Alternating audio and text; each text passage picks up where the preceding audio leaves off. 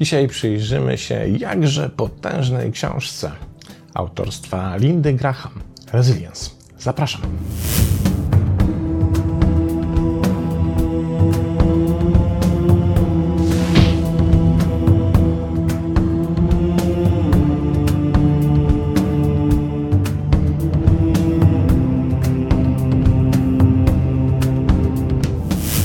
Początek, jak zwykle, spróbujemy się dowiedzieć, kim pani Linda Graham raczy być. Otóż pani Linda Graham jest doświadczoną psychoterapeutką prowadzącą prywatną praktykę w San Francisco. W swoich szkoleniach integruje nowoczesną neuronaukę, praktyki uważności i psychologię relacji. Jest autorką dwóch książek, ale najpierw musimy rozszyfrować znaczenie pewnej zbitki słownej, a mianowicie bouncing back, która w prostym tłumaczeniu oznaczałaby odbijanie. Jednak tutaj została użyta raczej w znaczeniu, jak znalazłem w Merriam-Webster, powrotu do normalności po znalezieniu się w trudnej sytuacji lub po trudnym wydarzeniu. W kontekście medycznym na przykład moglibyśmy powiedzieć, że to jest wyzdrowienie, w miarę szybki powrót do zdrowia po trudnej operacji. A zatem pierwsza książka Lindy Graham to wydana w 2013 roku właśnie Bouncing Back. Przebuduj swój mózg, aby uzyskać maksymalną odporność i dobre samopoczucie. Zaś druga książka, i to właśnie ta, którą dzisiaj będziemy omawiać, to pochodząca z 2018 roku książka której tytuł można by przetłumaczyć albo jako elastyczność, albo jako sprężystość, może też jako odporność. Zostawmy tą elastyczność. Elastyczność, potężne praktyki pozwalające na poradzenie sobie z rozczarowaniem, trudnościami, a nawet życiową katastrofą. I tutaj w tytule użyto słowa resilience, oznaczającego właśnie moc lub zdolność powrotu do pierwotnej formy, pozycji, przykład po zgięciu, ściśnięciu lub rozciągnięciu, a także elastyczność, zdolność do szybkiego powrotu do zdrowia po chorobie, depresji, przeciwnościach losu lub podobnych. To trochę tak, jakbyśmy sobie wyobrazili trzcinę na wietrze. Ona nawet przy bardzo silnej wichurze się nie łamie, tylko poddaje się temu, temu podmuchowi wiatru, by potem, kiedy wiatr już ustaje, w miarę szybko się wyprostować i wrócić do pierwotnego, normalnego Więc chodzi tutaj o taką elastyczność, która pozwala nam na poddawanie się przeciwnościom losu, jednak w taki sposób, by nie być przez te przeciwności złamanym, ale by móc się z powrotem podnieść. No to zajrzyjmy do książki. Cóż też pisze pani Linda. Odporność, sprężystość, zdolność do pochylania się z wiatrem, płynięcia z prądem, odbijania się od przeciwności losu była rozważana, studiowana i nauczana w plemionach i społeczeństwach, w tradycjach filozoficznych i duchowych oraz w literaturze i akademiach przez eony czasu. Zdolność dorosłego mózgu do dalszego rozwoju i zmiany jego funkcjonowania przez całe życie jest bez wątpienia najbardziej ekscytującym odkryciem współczesnej neuronauki. Neuroplastyczność oznacza, że wszystkich zdolności odporności, których potrzebujesz, możesz się po prostu nauczyć. I teraz, co jest kluczowe? Otóż koncepcja Lindy Graham polega na tym, że to właśnie neuroplastyczność naszego mózgu spowodowała, że dzisiaj reprezentujemy sobą odpowiedni poziom odporności na przeciwności losu, w tym na problemy psychologiczne. Czyli to, w jaki sposób nasz mózg został stworzony, został wyedukowany przez okoliczności zewnętrzne, na przykład w naszym dzieciństwie, będzie wpływało na to, w jaki sposób my dzisiaj jesteśmy zdolni do poradzenia sobie z bardzo wieloma różnymi psychologicznymi problemami. No i przeczytajmy dalej. Twój mózg uczy się regulować swój układ nerwowy w wyniku regulacji tego układu nerwowego przez ludzi wokół ciebie. Uczy się zarządzać i wyrażać szeroką gamę emocji, dzięki temu, że te emocje są postrzegane i potwierdzane przez ludzi wokół. I uczy się dostosowywać doświadczenie ludzi wokół ciebie do Twoich własnych doświadczeń. Niestety, i teraz uwaga, jeśli w naszych najwcześniejszych relacjach doświadczyliśmy zbyt dużego zaniedbania lub obojętności, krytyki lub odrzucenia, lub mieszanych przekazów i nieprzewidywalności, nasz mózg będzie się borykał z rozwijaniem zdolności mających wpływ na naszą odporność. Zdolność do regulowania naszych reakcji na stres i silnych emocji, gniewu, strachu, smutku itd. Tak Uczenia się, zaufania sobie, ufania innym ludziom, i tego, jak na przykład zrozumieć, co tak naprawdę się dzieje i co z tym zrobić. Czytamy dalej.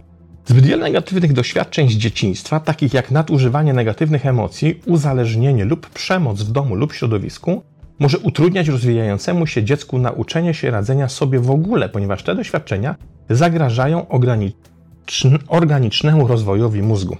Dla dziecka, które dorasta wraz z rodzicem, np. alkoholikiem, starszym bratem czy innym rodzicem o sprzecznych i destrukcyjnych zachowaniach, uraz w domu może przytłoczyć, a nawet zranić rozwijający się mózg.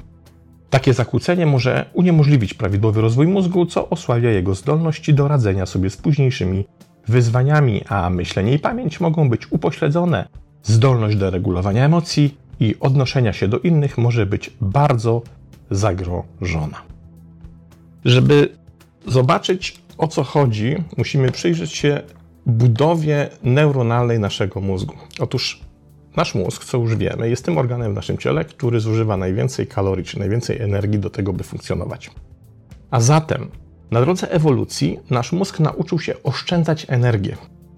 Żeby taka oszczędność była możliwa, dla naszego mózgu dużo łatwiej, a więc oszczędniej, jest poruszać się po już wytyczonych wcześniej ścieżkach, czyli korzystać z dotąd istniejących, na przykład wypracowanych w dzieciństwie, połączeń neuronalnych, niż poświęcać odpowiednią ilość energii na to, by budować nowe połączenia. I teraz zobaczmy to na prostym przykładzie. Jeśli dalibyśmy sobie takie zadanie, żeby opisać przedmiot, który przypomina krzesło, ale jednocześnie nie porównywać go do innych przedmiotów z tego obszaru, z tej przestrzeni, to byłoby nam bardzo trudno. Kiedy widzimy taki nowy przedmiot, który ma cztery nogi, blat do siedzenia, czyli siedzisko plus oparcie, to mówimy, no to jest jak krzesło, albo to jest podobne do krzesła. To najprawdopodobniej jest jeden z rodzajów krzesła. Natomiast to jest łatwe właśnie dlatego, że w ocenie, czy też we wnioskowaniu na temat tego, czym ten przedmiot jest, korzystamy z wcześniej wytworzonej ścieżki neuronalnej, która ma wzorzec, że coś, co ma cztery nogi, blat w charakterze siedziska i oparcie, najprawdopodobniej jest krzesłem. Gdybyśmy teraz chcieli zrezygnować z dotychczas wypracowanych ścieżek neuronalnych i opisać ten przedmiot bez używania tych wzorców, no to będzie nam dużo trudniej, bo będziemy musieli teraz kombinować. No to jest przedmiot, który najprawdopodobniej służy do siedzenia z wyprostowanymi nogami i tak dalej, i tak dalej. Sami widzicie, że jakby mózg ma dużo większą trudność w zbudowaniu nowej ścieżki kognitywnej niż w posługiwaniu się starą ścieżką. I teraz tą zasadę Linda Graham przenosi na nasze psychologiczne problemy, mówiąc: Te ścieżki, które zostały w naszym mózgu wypracowane na wczesnym etapie dzieciństwa, będą również rzutowały na nasze późniejsze zachowania, w tym na odporność i sposoby radzenia sobie z problemami psychicznymi, mentalnymi, emocjonalnymi, psychologicznymi. Dlaczego? Dlatego, że mózgowi łatwiej będzie skorzystać z dotychczasowych ścieżek, niż budować w to miejsce ścieżki nowe. I teraz, kiedy przyjrzeć się na przykład ludziom szukającym pomocy w psychoterapii, czy też tym osobom, które zgłaszają się na sesję indywidualną, i kiedy podejmujemy wspólną pracę żeby znaleźć źródło jakiegoś dzisiejszego problemu, który jest do rozwiązania w tym już dzisiejszym, obecnym, dorosłym życiu, to bardzo często okazuje się, że źródło tego problemu znajduje się w głębokiej przeszłości, właśnie w dzieciństwie.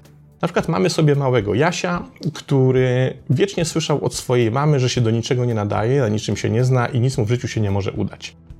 I ten Jasiu teraz wypracował sobie określony mechanizm obronny. Tych mechanizmów jest oczywiście bardzo dużo, ale załóżmy, że akurat w tym wypadku mamy do czynienia z takim mechanizmem, w którym Jasiu będzie w taki sposób działał i w taki sposób prowadził swoją aktywność, by w pierwszej kolejności udowodnić swojej mamie, że ona się myli. Czyli udowodnić tak naprawdę swoją wartość, której potwierdzenia od swojej własnej mamy nie dostaje.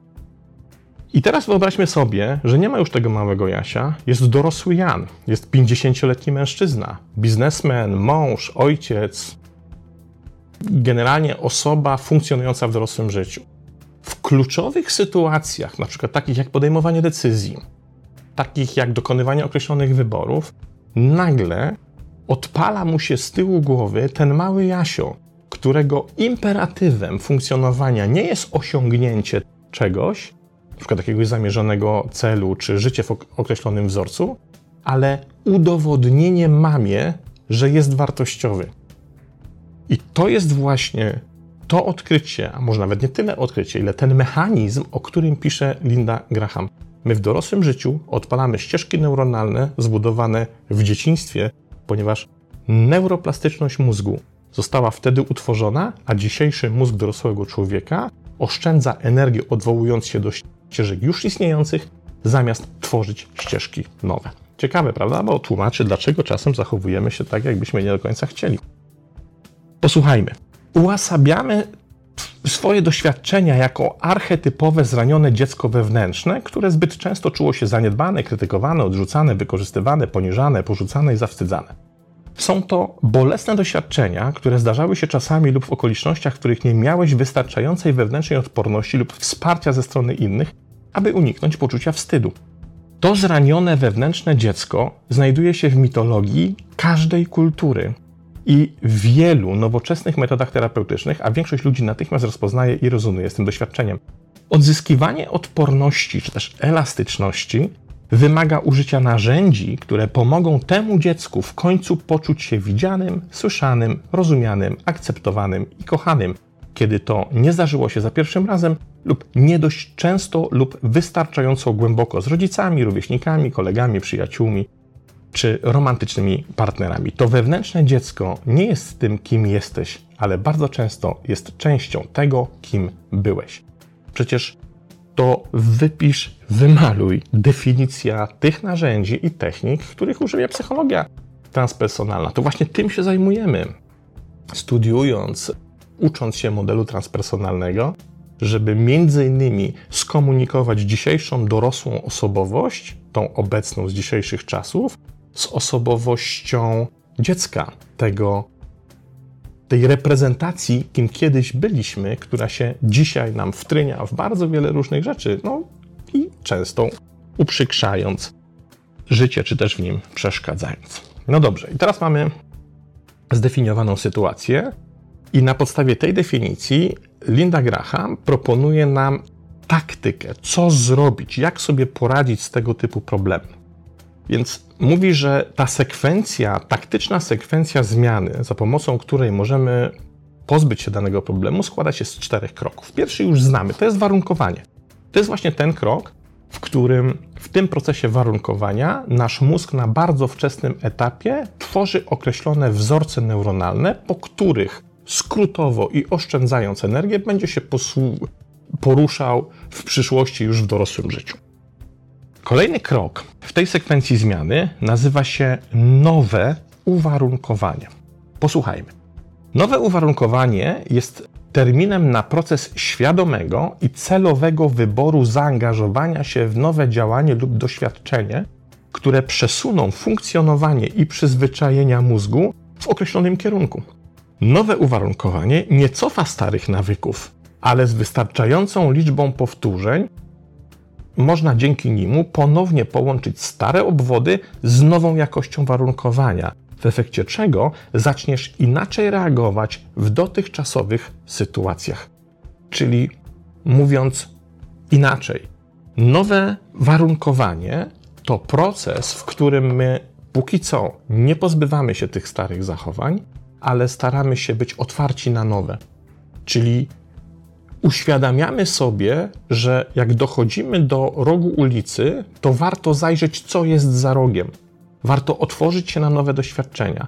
Warto nadpisać nowe ścieżki neuronalne w mózgu, czyli za każdym razem, kiedy odkrywamy warunkowanie, że oto podążamy starą ścieżką, staramy się w taki sposób funkcjonować, żeby zadać sobie pytanie, a w jaki sposób można by do tego warunkowania dodać nowe warunkowanie? Czyli co ja mogę z tym zrobić? W jaki sposób ja się mogę zachować inaczej niż dotychczas? W jaki sposób ja mogę rozwiązać swój problem? W jaki sposób ja mogę popatrzeć na mój problem, wykorzystując zupełnie inną perspektywę widzenia niż tą, którą stosowałem do tej pory. To jest właśnie nowe warunkowanie, czyli dodajemy nowe obwody do starej, istniejącej już sieci obwodów. Teraz jest punkt trzeci. nazywa się rewarunkowanie. Proces rewarunkowania rozpoczynasz świadomie, ostrożnie i umiejętnie, uświadamiając sobie pamięć poprzedniego doświadczenia, które wykoleiło Twoją odporność, Twoje reakcje na to doświadczenie i sposób, w jaki myślisz i czujesz się teraz z powodu tego właśnie dawnego wykolejenia. Skupiając się na tym doświadczeniu, aktywujesz lub rozświetlasz całą sieć neuronową, która przechowuje pamięć doświadczenia, obrazy wizualne, doznania ciała, emocje, miejsca w ciele, w których odczuwasz te emocje, myśli, które miałeś o sobie w tym czasie i myśli, które masz teraz o sobie. Aktywacja sieci neuronowej jest kluczem do tej zmiany. Ten mechanizm nie zmienia tego, co się pierwotnie wydarzyło. Nie może, ale zmienia Twój stosunek do tego, co się stało. I teraz zobaczcie, bardzo ważna rzecz. My nie jesteśmy w stanie wejść w posiadanie wehikułu czasu, wrócić do przeszłości i tam naprawić to, co tam zaszło. Tej przeszłości już nie ma, to się już wydarzyło, to już nie jesteśmy na to w stanie mieć żadnego wpływu. Ale skoro nie możemy zmienić tamtych nadpisanych ścieżek, to możemy zmienić nasz stosunek do tego, co się stało. Czyli, żebyśmy się zrozumieli, bo to jest niezwykle ważny i istotny moment. My nie zmieniamy tego, co się stało, my pracujemy nad zmianą naszej reakcji na to, co się stało. I ta zmiana, której chcemy dokonać, jest w tym, jak my pamiętamy tamto zdarzenie, jak my pamiętamy tamtą traumę, jak my reagujemy dzisiaj emocjonalnie na to, co się zdarzyło w przeszłości. To jest rewarunkowanie, czyli zmiana naszego nastawienia, zmiana naszej reakcji, zmiana tego, jaki jest nasz stosunek do tego małego dziecka w nas samych. I czwarty punkt dewarunkowanie. Czytamy. Ćwiczenia warunkowe wykorzystują Twoją wyobraźnię w wizualizacjach z przewodnikiem lub medytacjach z przewodnikiem. Otwierają to, co Dan Siegel z Instytutu Umysłu nazywa płaszczyzną otwartych możliwości dla Twojego mózgu. Możesz wykorzystać zabawę z wyobraźnią, aby tworzyć nowe zachowania. I tu kolejna niezwykle cenna wskazówka. Dewarunkowanie tak naprawdę polega na pracy z wyobraźnią. Czyli my wykorzystujemy nie rzeczywistość, która nas otacza, nie to, co nas spotyka w życiu, ale wykorzystujemy nasze własne wyobrażenia po to, by budować nowe połączenia neuronalne. I ta prawda nie jest jakaś specjalnie nowa, jest stara jak świat. Ja dużo o tym systemie pisałem w swojej książce Alchemia Duchowego Rozwoju. Tam w kontekście transmutacji, czyli przemiany duchowej, która zachodziła w alchemiku, pisałem o tym, że alchemicy, ci prawdziwi, ci moim zdaniem najbardziej wartościowi, oczywiście nie ci, którzy szukali złota albo eliksiru młodości, ale ci alchemicy u swych źródeł, którzy szukali duchowej przemiany w sobie samych, bo tym, tym naczyniem przemiany był sam alchemik, oni mówili, że do tej przemiany, do uzyskania tej przemiany w nas służą tylko dwa procesy. Pierwszy to jest meditatio, znany wam doskonale, ale drugi proces nazywa się imaginatio, czyli właśnie praca z wykorzystaniem własnej wyobraźni, którą zaprzęgamy do tego, by stworzyć nowe połączenia w mózgu. A mówiąc zupełnie inaczej i w zupełnie prosty sposób, po prostu wyobrażasz sobie inne funkcjonowanie, wyobrażasz sobie inną rzeczywistość, wyobrażasz sobie inne sytuacje, inne relacje, inną jakość życia. Po co? Nie tylko po to, by było przyjemnie i by uciec od tej rzeczywistości, która jest teraz, ale po to, by dzięki tym wyobrażeniom stworzyć możliwość Twojemu własnemu mózgowi na budowanie nowych połączeń neuronalnych, nowych ścieżek neuronalnych, bo dzięki wyobraźni on to będzie czynił. I pamiętajcie, mózg nie rozróżnia tak naprawdę rzeczywistości od świata wyobraźni, ponieważ w obydwu tych środowiskach generuje dokładnie taką samą bazę emocjonalną. To dlatego siedzisz na kanapie, oglądasz komedię i się śmiejesz. To dlatego siedzisz na kanapie, oglądasz horror i się boisz.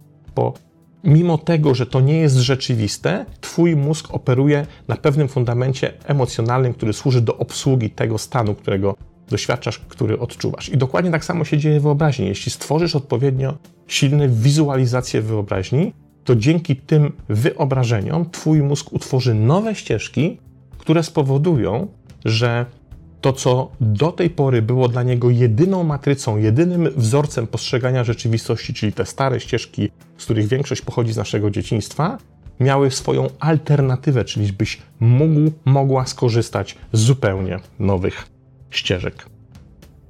I to chyba tyle, co ma nam pani Linda Graham do powiedzenia. Jeszcze na koniec ostatni cytat. Samoświadomość, akceptacja siebie i zaufanie do Twoich wewnętrznych zdolności są niezbędne dla uzyskania tej właśnie elastyczności. Te zdolności tworzą rodzaj bazy, domowego zaplecza, czyli takie bezpieczne poczucie siebie, z którego możesz elastycznie reagować na wszystkie trudności życiowe. Kiedy kierujesz swoje skupienie do wewnątrz, czujesz się bezpiecznie, jak w domu i w spokoju, ufając w Twoje zdolności do umiejętnego i kompetentnego zaangażowania w świat zewnętrzny. Kiedy stajesz w obliczu trudnej sytuacji, nawet jeśli nie masz pojęcia, jak najlepiej na nią odpowiedzieć, ta wewnętrzna, bezpieczna podstawa odporności, elastyczności pozwala ci iść naprzód i ryzykować próbowanie czegoś nowego. Wzmocnienie samoakceptacji i zaufania do siebie jako odpornego, zamieniającego chwilowe doświadczenia w niezawodnie stabilne stany, a następnie w długoterminowe, trwałe cechy, może być codzienną praktyką. Nie tylko może, ale moim zdaniem powinno. Oczywiście to tylko mały wycinek tego, co proponuje nam jakże wspaniała Linda Graham w swojej książce, która wagą ja ją mam oczywiście w wersji elektronicznej, ale widziałem zdjęcia tej książki w wersji papierowej, przy, przypomina cegłówkę w związku ze swoją objętością. Więc to tylko wycinek tego, co chciałem Wam opowiedzieć o, w moim przekonaniu, naprawdę świetnej książce Lindy Graham. Po resztę proszę, byście sięgnęli sami, a dowiecie się z niej jeszcze o tym, w jaki sposób sny i śnienie wpływają na naszą nasze możliwości elastyczności i odporności, w jaki sposób związane z odpornością i elastycznością stają się nasze procesy uczenia się, w jaki sposób możemy poprawić te procesy uczenia się i wiele, wiele, wiele więcej. Książka wydana w 2018 roku stała się bestsellerem na Amazonie. Jak dotąd. Tyle. Nie ukazała się jeszcze w Polsce. Co w moim przekonaniu bardzo szkoda, że tak się stało. Mam nadzieję, że i Wy podzielacie ten pogląd. To tyle. Do następnego razu. Pozdrawiam.